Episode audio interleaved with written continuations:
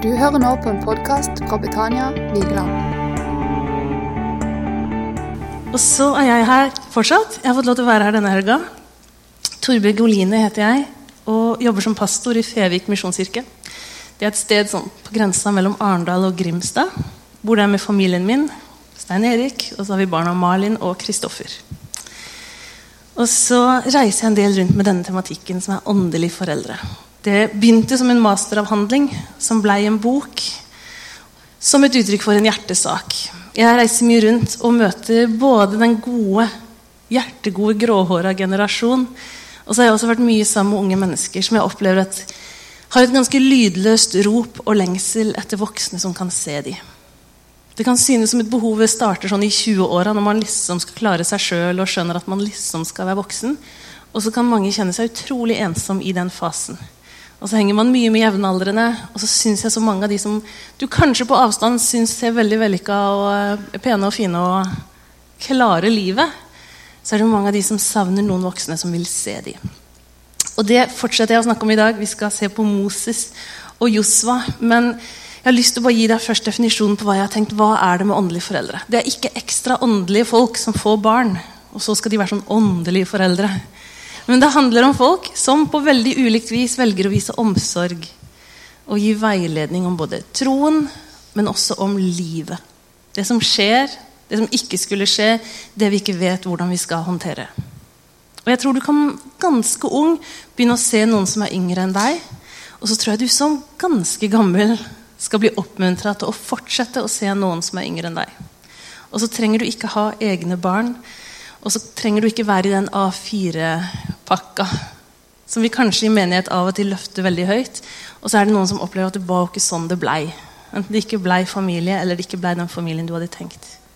Så tror jeg at det som er din historie, det er din rikdom. Og den er det noen som trenger å få del i. Så det handler egentlig om at én generasjon gir troen videre til neste generasjon. Og Derfor er det jeg ser på Moses og Josva sammen med dere i formiddag. Fordi de er et veldig godt eksempel på hvordan den eldre tar den yngre med, og så ender det med at den yngre får gå lenger enn det forgjengeren gjorde. Og historien om Moses og Josva den starter egentlig med svigerfar til Moses. For det står at han har ført folket ut av fangenskapet. De driver og tusler rundt i ørkenen, og så får de besøk av svigerfar altså faren til kona til Moses, han har jo tjent lenge hos han. Moses er nå oppe i 80-åra, så det er jo eh, interessant å tenke på hvor gammel svigerfar er. Men svigerfar Jetro kommer, og så ser han Moses være administrerende direktør. Moses sitter på alt. Han har oversikt på alt. Han er meglingsmann i små og store ting. Vi er gode til å krangle både, med både naboer og andre når vi er tett nok på hverandre. Så Moses har masse å gjøre. Og så kan det hende at han syntes det var veldig gøy og veldig slitsomt.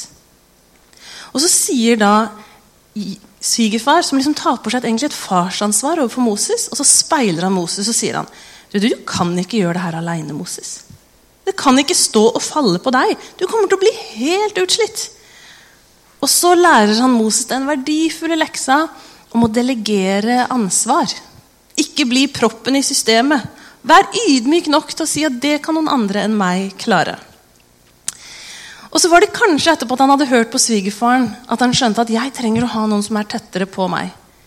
Kanskje han var så glad for at noen hadde sett han og vært ærlig nok med han til at han fikk endra seg. At han skjønte dette burde jeg også gi videre. Og Kanskje har du også opplevd at noen på et gitt tidspunkt kom og så sa de noe som bare forandra ting for deg. Det er så fint å høre hvordan Lillian forteller fra ledere på leir. Og det der, Kanskje bare én gang i året så kan du være med å si noe sant inn i et liv som skifter kurs pga. det du sier. Så ikke lenge etterpå så tar Moses, og da hører vi for første gang at han tar med seg Josva. De skal opp på Sinai-fjellet, og Moses skal møte Gud. Og så får Josva sitte på første rad i den guddommelige opplevelsen av et møte mellom himmel og jord. Og så står det at når Moses vender tilbake, så tar han teltet sitt litt ut av campen. Og så setter han teltet litt utenfor, der hvor de andre israelittene bor. Og der hviler Guds nærvær. Og så er det så fint vet du hva det står, at Josva han går ikke ut av teltet. Han blir der. Og så vandrer Moses litt fram og tilbake og gjør jobben sin med folket. Men Josva han har fått smak på noe. Han har fått smak på noe av Gud som gjør at han ikke vil slippe det. Moses fikk se Gud. Men vi er gitt ånden som også viser oss Gud. Og om vi ikke drar på noen fjelltur for å være med Gud lenger, så vil jeg oppmuntre deg til å ta med noen inn i gudslivet ditt, inn i bønnelivet ditt. Ta med noen inn i bibellesinga di. Ta med deg noen når du møter Gud. Jeg tror at hvis unge mennesker får smake Guds nærvær, så blir det mye vanskeligere å forlate Gud. Man kan bytte gjeng, man kan bli lei av en kultur eller en sjargong. Men hvis du har smakt Guds nærvær, så kommer du aldri til å få smaken på noe annet igjen. Jeg tror at vi i mer enn møtesammenheng må gå sammen med å være med de unge foran Gud. Sammen med Gud. Og så tror jeg at hvis og når jeg har sluppet unge mennesker inn i livet mitt, både i det som er bra og det som ikke er så bra, så får det fart på bønnelivet mitt. Jeg ber både for de, og så ber jeg om nåde for meg sjøl. Så jeg tror at det både styrker meg og de at vi sammen kan leve det her troslivet tett på hverandre. Og det lot Moses Josva være. Tett på seg. I gode og dårlige dager. Hør når Moses kom ned med de to steintavlene, håndskrevet av Gud, med de ti bud, så syntes folk han var borte litt lenge. Så de hadde drevet og laga seg en gullkalv som de nå drev og dansa rundt. Og så kommer Moses med bare Han er så oppgløda. 'Se hva jeg har fått!' Og så driver folk og liksom ugga-bugga rundt en gullkalv. Og så blir Moses så rasende at han knuser det Gud ga han. Mens Josva sto rett ved siden av. Seinere får så Josva høre at Gud refser Moses. Og at han, hans konsekvens blir at han ikke får lov til å gå inn i det lovede land. Så Josua får ikke bare glanssida av sin åndelige far. Han får ekte vare. Og det er ikke fasade unge mennesker er ute etter. Det er ikke et plettfritt, ryddig, rent hjem de mest av alt higer etter å komme inn i, sånn at de kan få noen interiørtips. De har lyst på ekte vare. Rot. Omsorg. Og bare det å vite at her trenger ikke jeg forestille meg, for det gjør ikke du. Mange unge mennesker i dag er kjempeslitne av å polere fasade. Og alltid legge et fint filter over bildet, det som er tatt fra den beste siden. Hvor du legger fram et liv som de selv ikke engang tror finnes. Og så er det så vanskelig å gjennomskue hverandre når alle bare viser finsida. Og det gjelder også hvis vi voksne, dere enda eldre, bare skal vise finsida. Den derre søndags formiddag-sida. Og jeg vet hvor mange familier som opplever at vi krangler i bilen på vei til kirka, og så smiler vi idet vi går inn døra, dere. Og så er det bare så tror alle at alle andre hadde en idyllisk søndagsmorgen. Alle andre syns bare barna synes det er kjempegøy å komme i kirka. Men vi Og akkurat det unntaket er ikke pastorfamilier engang. Søndagsmorgener kan være litt stress. Men kommer vi i kirka, så prøver vi heller å vise det lette, det gøye, det gode. Men vi må begynne å vise hverandre det ekte. Mange unge mennesker, unge mennesker i dag trenger å se ekte sannhet og et trosliv som holder i hverdagen. De trenger å høre om tvil og troskampene, om de drømmene som det ikke blei noe av, den sorgen som finnes over det som ikke blei, for de vil ikke imponeres, men de vil bli møtt. Og så kommer det en tid hvor Josva skal ut på oppdrag. Det er ikke bare for at han skal henge i skjørtene på Moses og lære mest mulig av sin helt. Men når Moses utruster Josva, og han er en av speiderne som skal inn i det lovede land og gi en rapport på hva det er som venter. Det står i 4. Mosebok 13.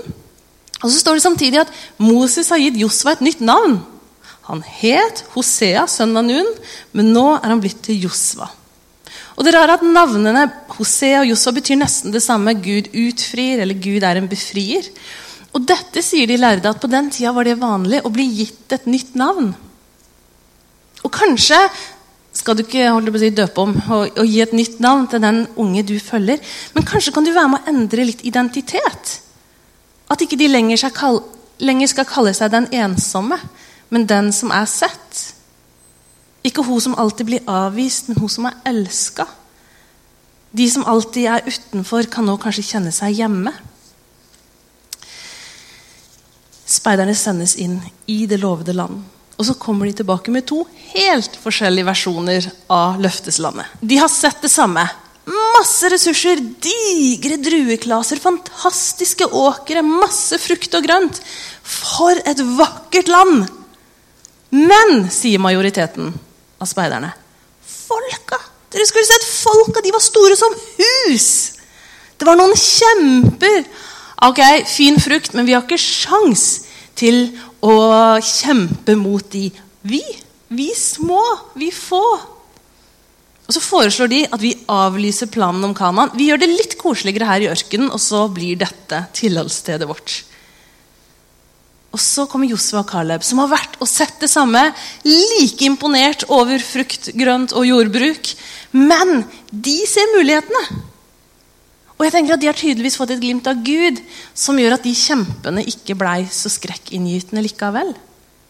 Det står 'Løft ditt blikk mot himmelen og se så på jorden her nede'. De har fått et gudgitt perspektiv. Deres Gud er større og sterkere. Og Derfor er Josva og Caleb overbevist om at gå på! Vi skal innta landet som Gud gir oss, gir oss og med Han er ingenting umulig. Vet du, Det er når man møter kjemper, at gudsbildet avslører seg. Det er når jeg møter utfordringer, smerte, kamp, at mitt sanne gudsbilde avslører seg. Og da viser det seg hva har jeg fått av tro, av sannhet og erfaringer av Gud. Og hør, mange unge er i ferd med å utforske studentliv, familieliv, arbeidsliv. Og så syns de at de støter på en del kjemper de ikke var advart mot. Og mange sier at de har få forbilder som kan vise hvordan kan jeg leve Jesuslivet som student. Hvordan kan jeg leve Jesuslivet i dette hektiske småbarnslivet? Eller hvordan skal jeg leve som etterfølger av Jesus i alt det som ikke blei? De strever med å få Gud til å passe inn i sin hverdag.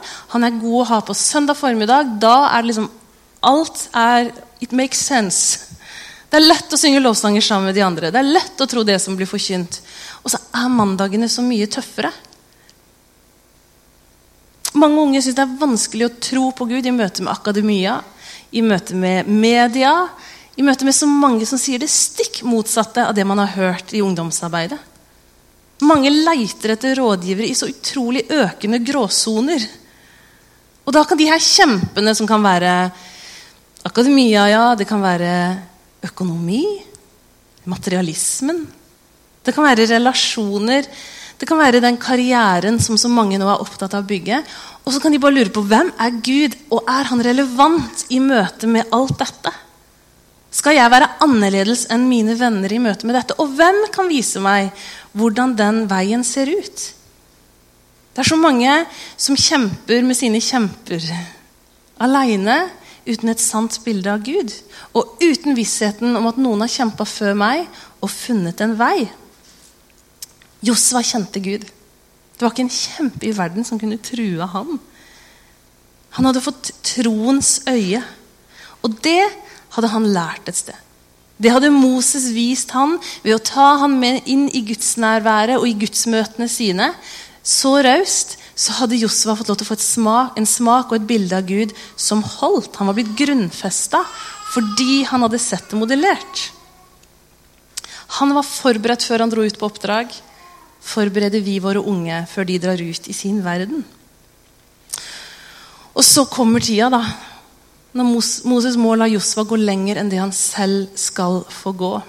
Josva skal få lov til å lede folket inn i løfteslandet, men Moses skal dø der i ørkenen. Han skal få lov til å se inn i det, men ikke få komme inn i det. Og det krever sin mann å velsigne Josva. Han hadde faktisk alle gode grunner til å bli en litt sånn bitter gammel mann på bakerste rad. En litt sånn nei, altså Hvis ikke jeg får lov, så skal ikke du heller få noe lett inngang dit. Nei, det var ingen som hjalp meg dit. Du får klare deg sjøl. Og likevel så står det at Moses velsigner Josva. Det står i 5. Mosebok 31. Moses kaller Josva til seg og sa til han mens alle israelittene hørte på. Vær modig og sterk, for du skal føre folket inn i det landet som Herren med ed lovde å gi deres fedre, og skifte det mellom dem. Herren vil selv gå foran deg, han vil være med deg, han slipper deg ikke, og han svikter deg ikke. Vær ikke redd, og mist ikke motet. Hør, foreldres velsignelse kan være det som gjør forskjellen. Det kan være det som gir mot og styrke, og som faktisk gir de unge muligheten til å innta nytt land. Ikke hold tilbake velsignelsen. Anerkjenn generasjonen som kommer etter deg. Ikke på avstand, og ikke bare når du snakker om dem, men når du snakker til dem. Snakk godt til de som kanskje har overtatt din oppgave, og som nå er i de skoa du en gang fylte. Velsign dem. Hei på dem. Ja, Han er ikke akkurat Moses, da, sier du. Nei, og Moses var ikke akkurat noe superhelt han heller når han begynte sin karriere. Det var i Guds hender at han ble en stor mann, den stammende mannen som hadde vært en drapsmann på flukt, og som ved å gi seg til Gud blir en helt. Så Moses brukte mesteparten av sin tjenestetid i ørkenen sammen med Josva. Og likevel så gjorde ikke Josva det samme når han ble leder. Han leda folket inn i løfteslandet, men valgte seg aldri sin disippel eller en åndelig sønn, for å bruke det begrepet. Og så står det om da Josva og hans slektledd dør. Snart gikk hele dette slektleddet til sine fedre, og etter dem vokste det opp en ny slekt. Som ikke kjente Herren og ikke visste hva han hadde gjort for Israel. De er altså den første generasjonen som får lov til å nyte godt av løfteslandet. Og så har de allikevel ikke fått med seg hva Herren har gjort for Israel. Og Dette er et av de tristeste versene i Bibelen, syns jeg. For her viser det hva som kan skje hvis det glipper.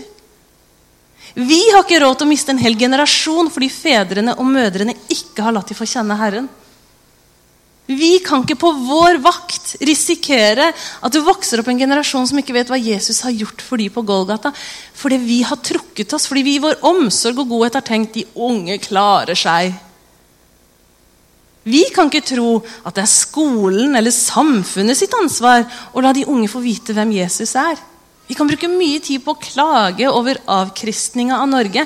Men det var ikke staten Norge som skulle gi Jesus videre til neste generasjon. Det var fedrene og mødrene. Denne generasjonen skulle gi videre til neste generasjon. Ikke bare i teori, men gjennom praksis. Ved at vi skal oppdra, rettlede, oppmuntre til et personlig liv med Jesus. Og likevel så vet vi dette. Og så er det allikevel som om Paulus har rett om oss i 2018. At selv om vi har 1000 lærere masse forkynnere. Du kan reise fra konferanse til konferanse. Du kan til og med se på TV, høre masse podkaster fra verden rundt. Lærere og forkynnelse er det flere nok av. Men vi har ikke mange fedre eller mødre.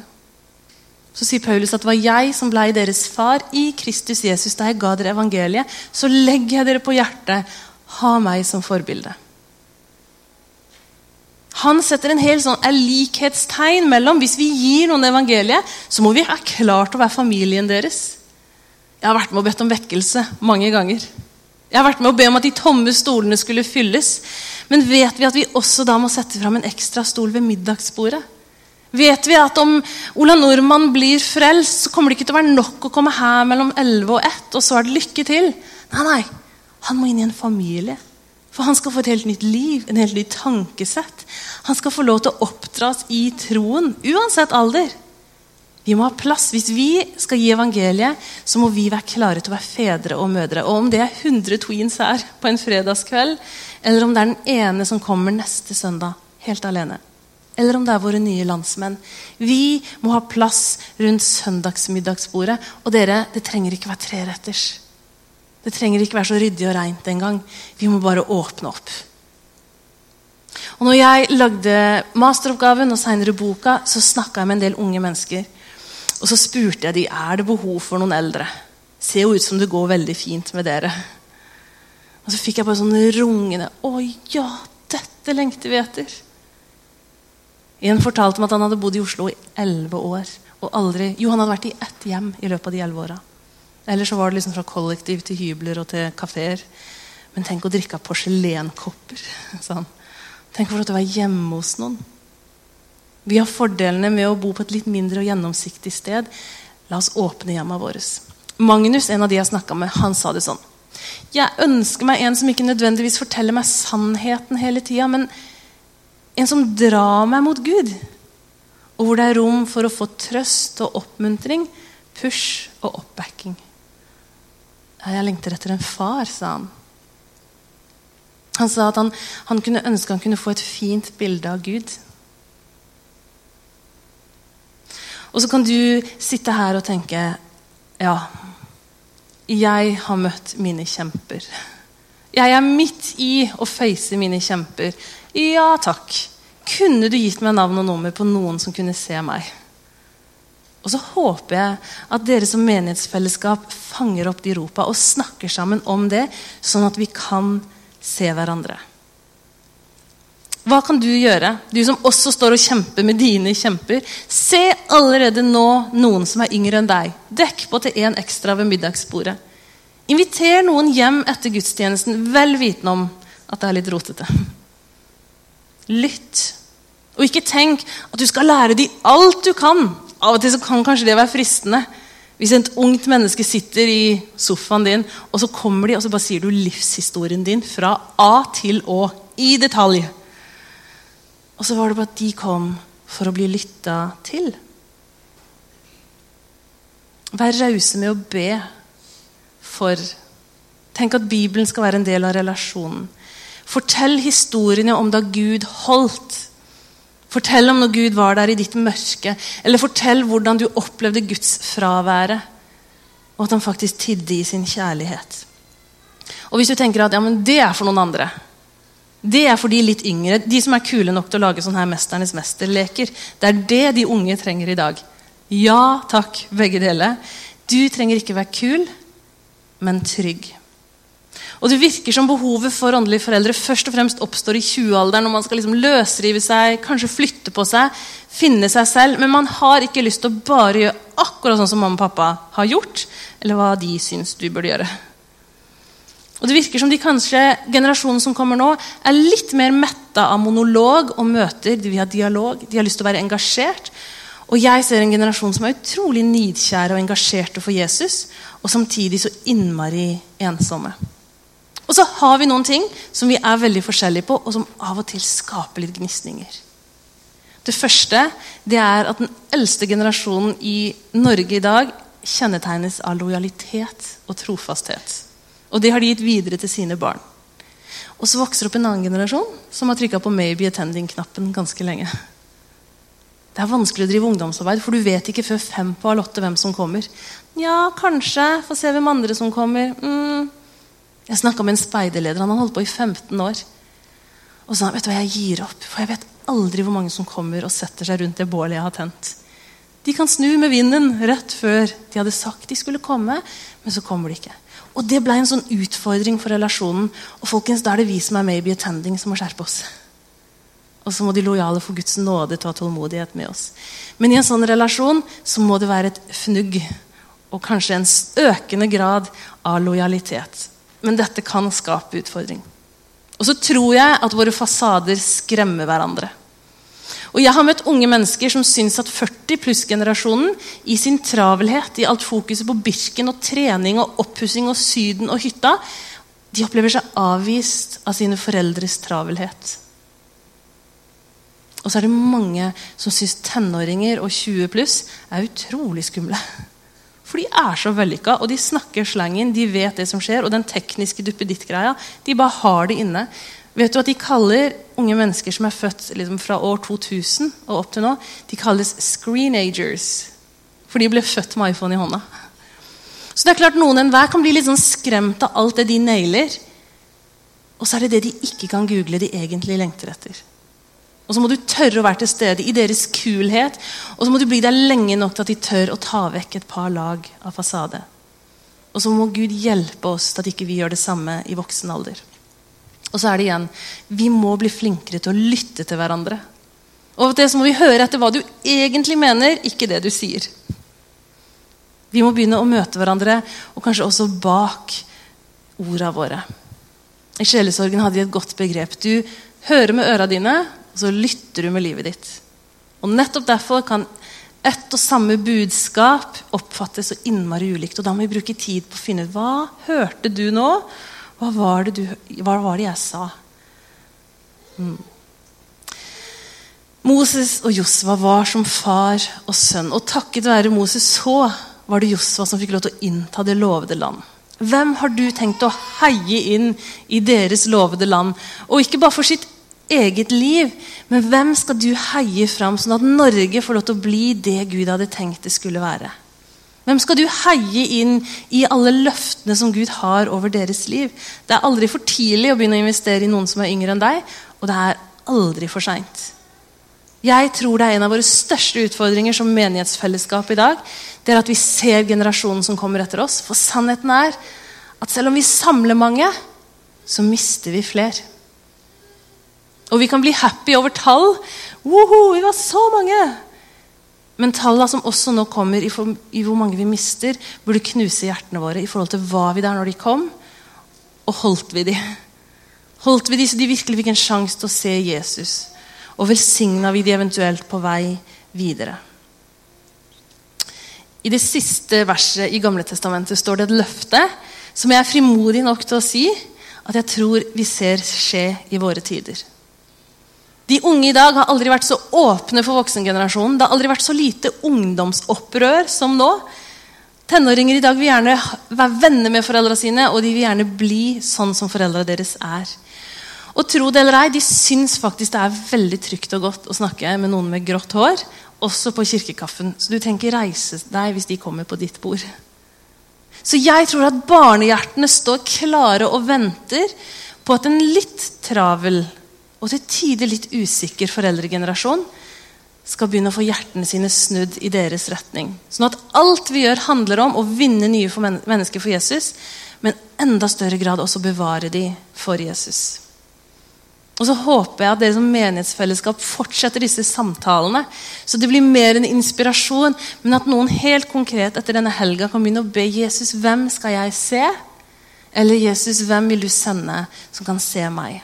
Sånn at noe nytt kan skje, og at Gud skal få lov til å være med og vende hjertene deres til hverandre. Vi ber sammen. Gud, jeg takker deg for at du har omsorg for oss, og at du ikke er stressa på vår tid. Du har elska oss med en evig kjærlighet. Mens vi ennå var i mørket, så elska du oss, og så viste du oss veien til lyset. Og jeg ber Herre om at den kjærligheten skal være med å prege fellesskapene våre. Jeg ber deg, Herre, at du skal vekke mødre- og fedrehjerter i alle aldre.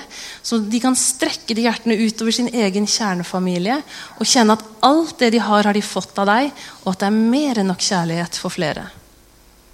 Jesus, jeg ber deg for Vigeland og omegn her at det skal være en del åpne hjem som skal være som sånne fyrtårn. Som skal være med som å gi lys inn i mørket. At unge, også de som ikke kjenner deg nå, Jesus, de som ikke syns det er greit å gå hjem til sine egne, her, at de skal vite at det er noen hjem hvor det fins raushet og åpenhet, og det er et nærvær av deg, Gud. Herre, la det være starten på vekkelsen, at vi begynner å åpne hjemmene våre og dele liv og se deg virksom i og iblant oss, Herre. Det bare å be over dette stedet, over dette fellesskapet, Herre. At mange skal komme til tro fordi mødrene og fedrene har tatt sin plass. Det ber jeg om i ditt gode, hellige navn, Gud. Hellige du som kan gjøre ufattelig mye mer enn alt det vi kan be om og forstå. Amen.